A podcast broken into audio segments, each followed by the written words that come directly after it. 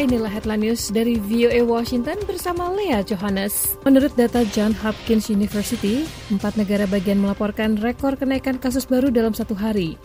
Masing-masing Iowa sekitar 785 kasus, North Dakota sekitar 375 kasus, South Dakota sekitar 425 kasus, dan Minnesota sekitar 1000 kasus.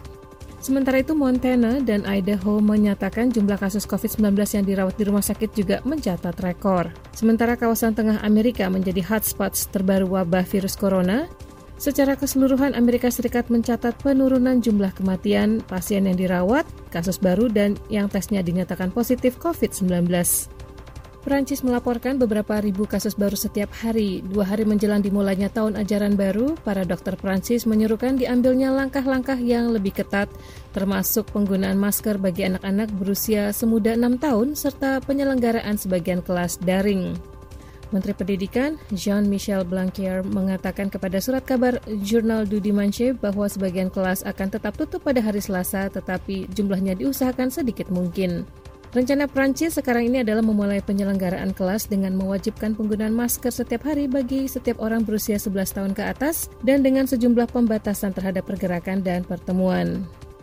Negara-negara Eropa lainnya seperti Denmark dan banyak distrik sekolah di Amerika mengubah sepenuhnya hari sekolah dengan kelas-kelas yang lebih kecil, lebih banyak guru, lebih banyak pemisah antara murid dan kelas-kelas, serta campuran kelas yang dihadiri langsung dan kelas daring.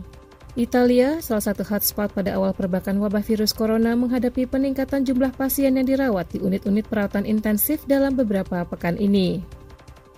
Hari Minggu, Italia mencatat 86 pasien COVID-19, naik dari 38 pasien satu bulan silam. Di Selandia Baru yang berusaha keras memberantas wabah di kota terbesarnya Auckland, sekolah-sekolah dan bisnis dibuka kembali pada hari Senin, sementara pihak berwenang mewajibkan penggunaan masker bagi para pengguna transportasi umum di berbagai penjuru negara itu.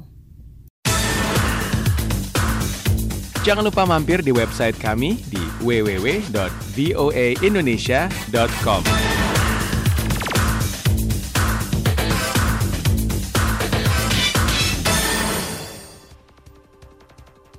Berbagai media Jepang menyatakan, Kepala Sekretaris Kabinet Jepang Yoshihide Suga akan berusaha menggantikan Shinzo Abe sebagai Perdana Menteri mendatang negara itu.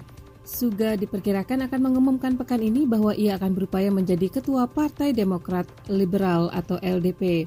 Para kandidat lain yang mengincar jabatan tersebut antara lain mantan Menteri Pertahanan Shigeru Ishiba dan mantan Menteri Luar Negeri Fumio Kishida. Berdasarkan sistem parlementer Jepang, partai berkuasa memilih orang yang akan menjadi Perdana Menteri, biasanya ketua partai itu. India mengatakan Senin pasukannya telah melumpuhkan aksi provokatif militer Tiongkok dekat perbatasan yang dipersengketakan di kawasan Ladakh, Kashmir.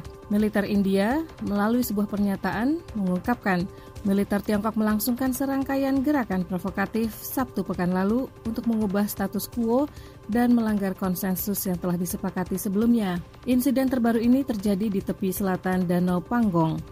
Masih menurut militer India, pihaknya telah mengambil langkah-langkah untuk memperkokoh posisi mereka dan menggagalkan maksud sepihak Tiongkok untuk mengubah fakta di lapangan. Tiongkok tidak mengeluarkan pernyataan apa pun terkait insiden pekan lalu tersebut. Polisi Israel hari Minggu memeragakan sistem laser baru yang dimaksudkan untuk mencegat balon bermuatan bahan peledak yang diluncurkan dari jalur Gaza. Sistem baru itu memiliki tingkat akurasi 90 persen, kata juru bicara polisi Israel, Mickey Rosenfeld. Seraya menambahkan bahwa sistem itu dimaksudkan untuk melindungi masyarakat serta mencegah kematian dan cedera.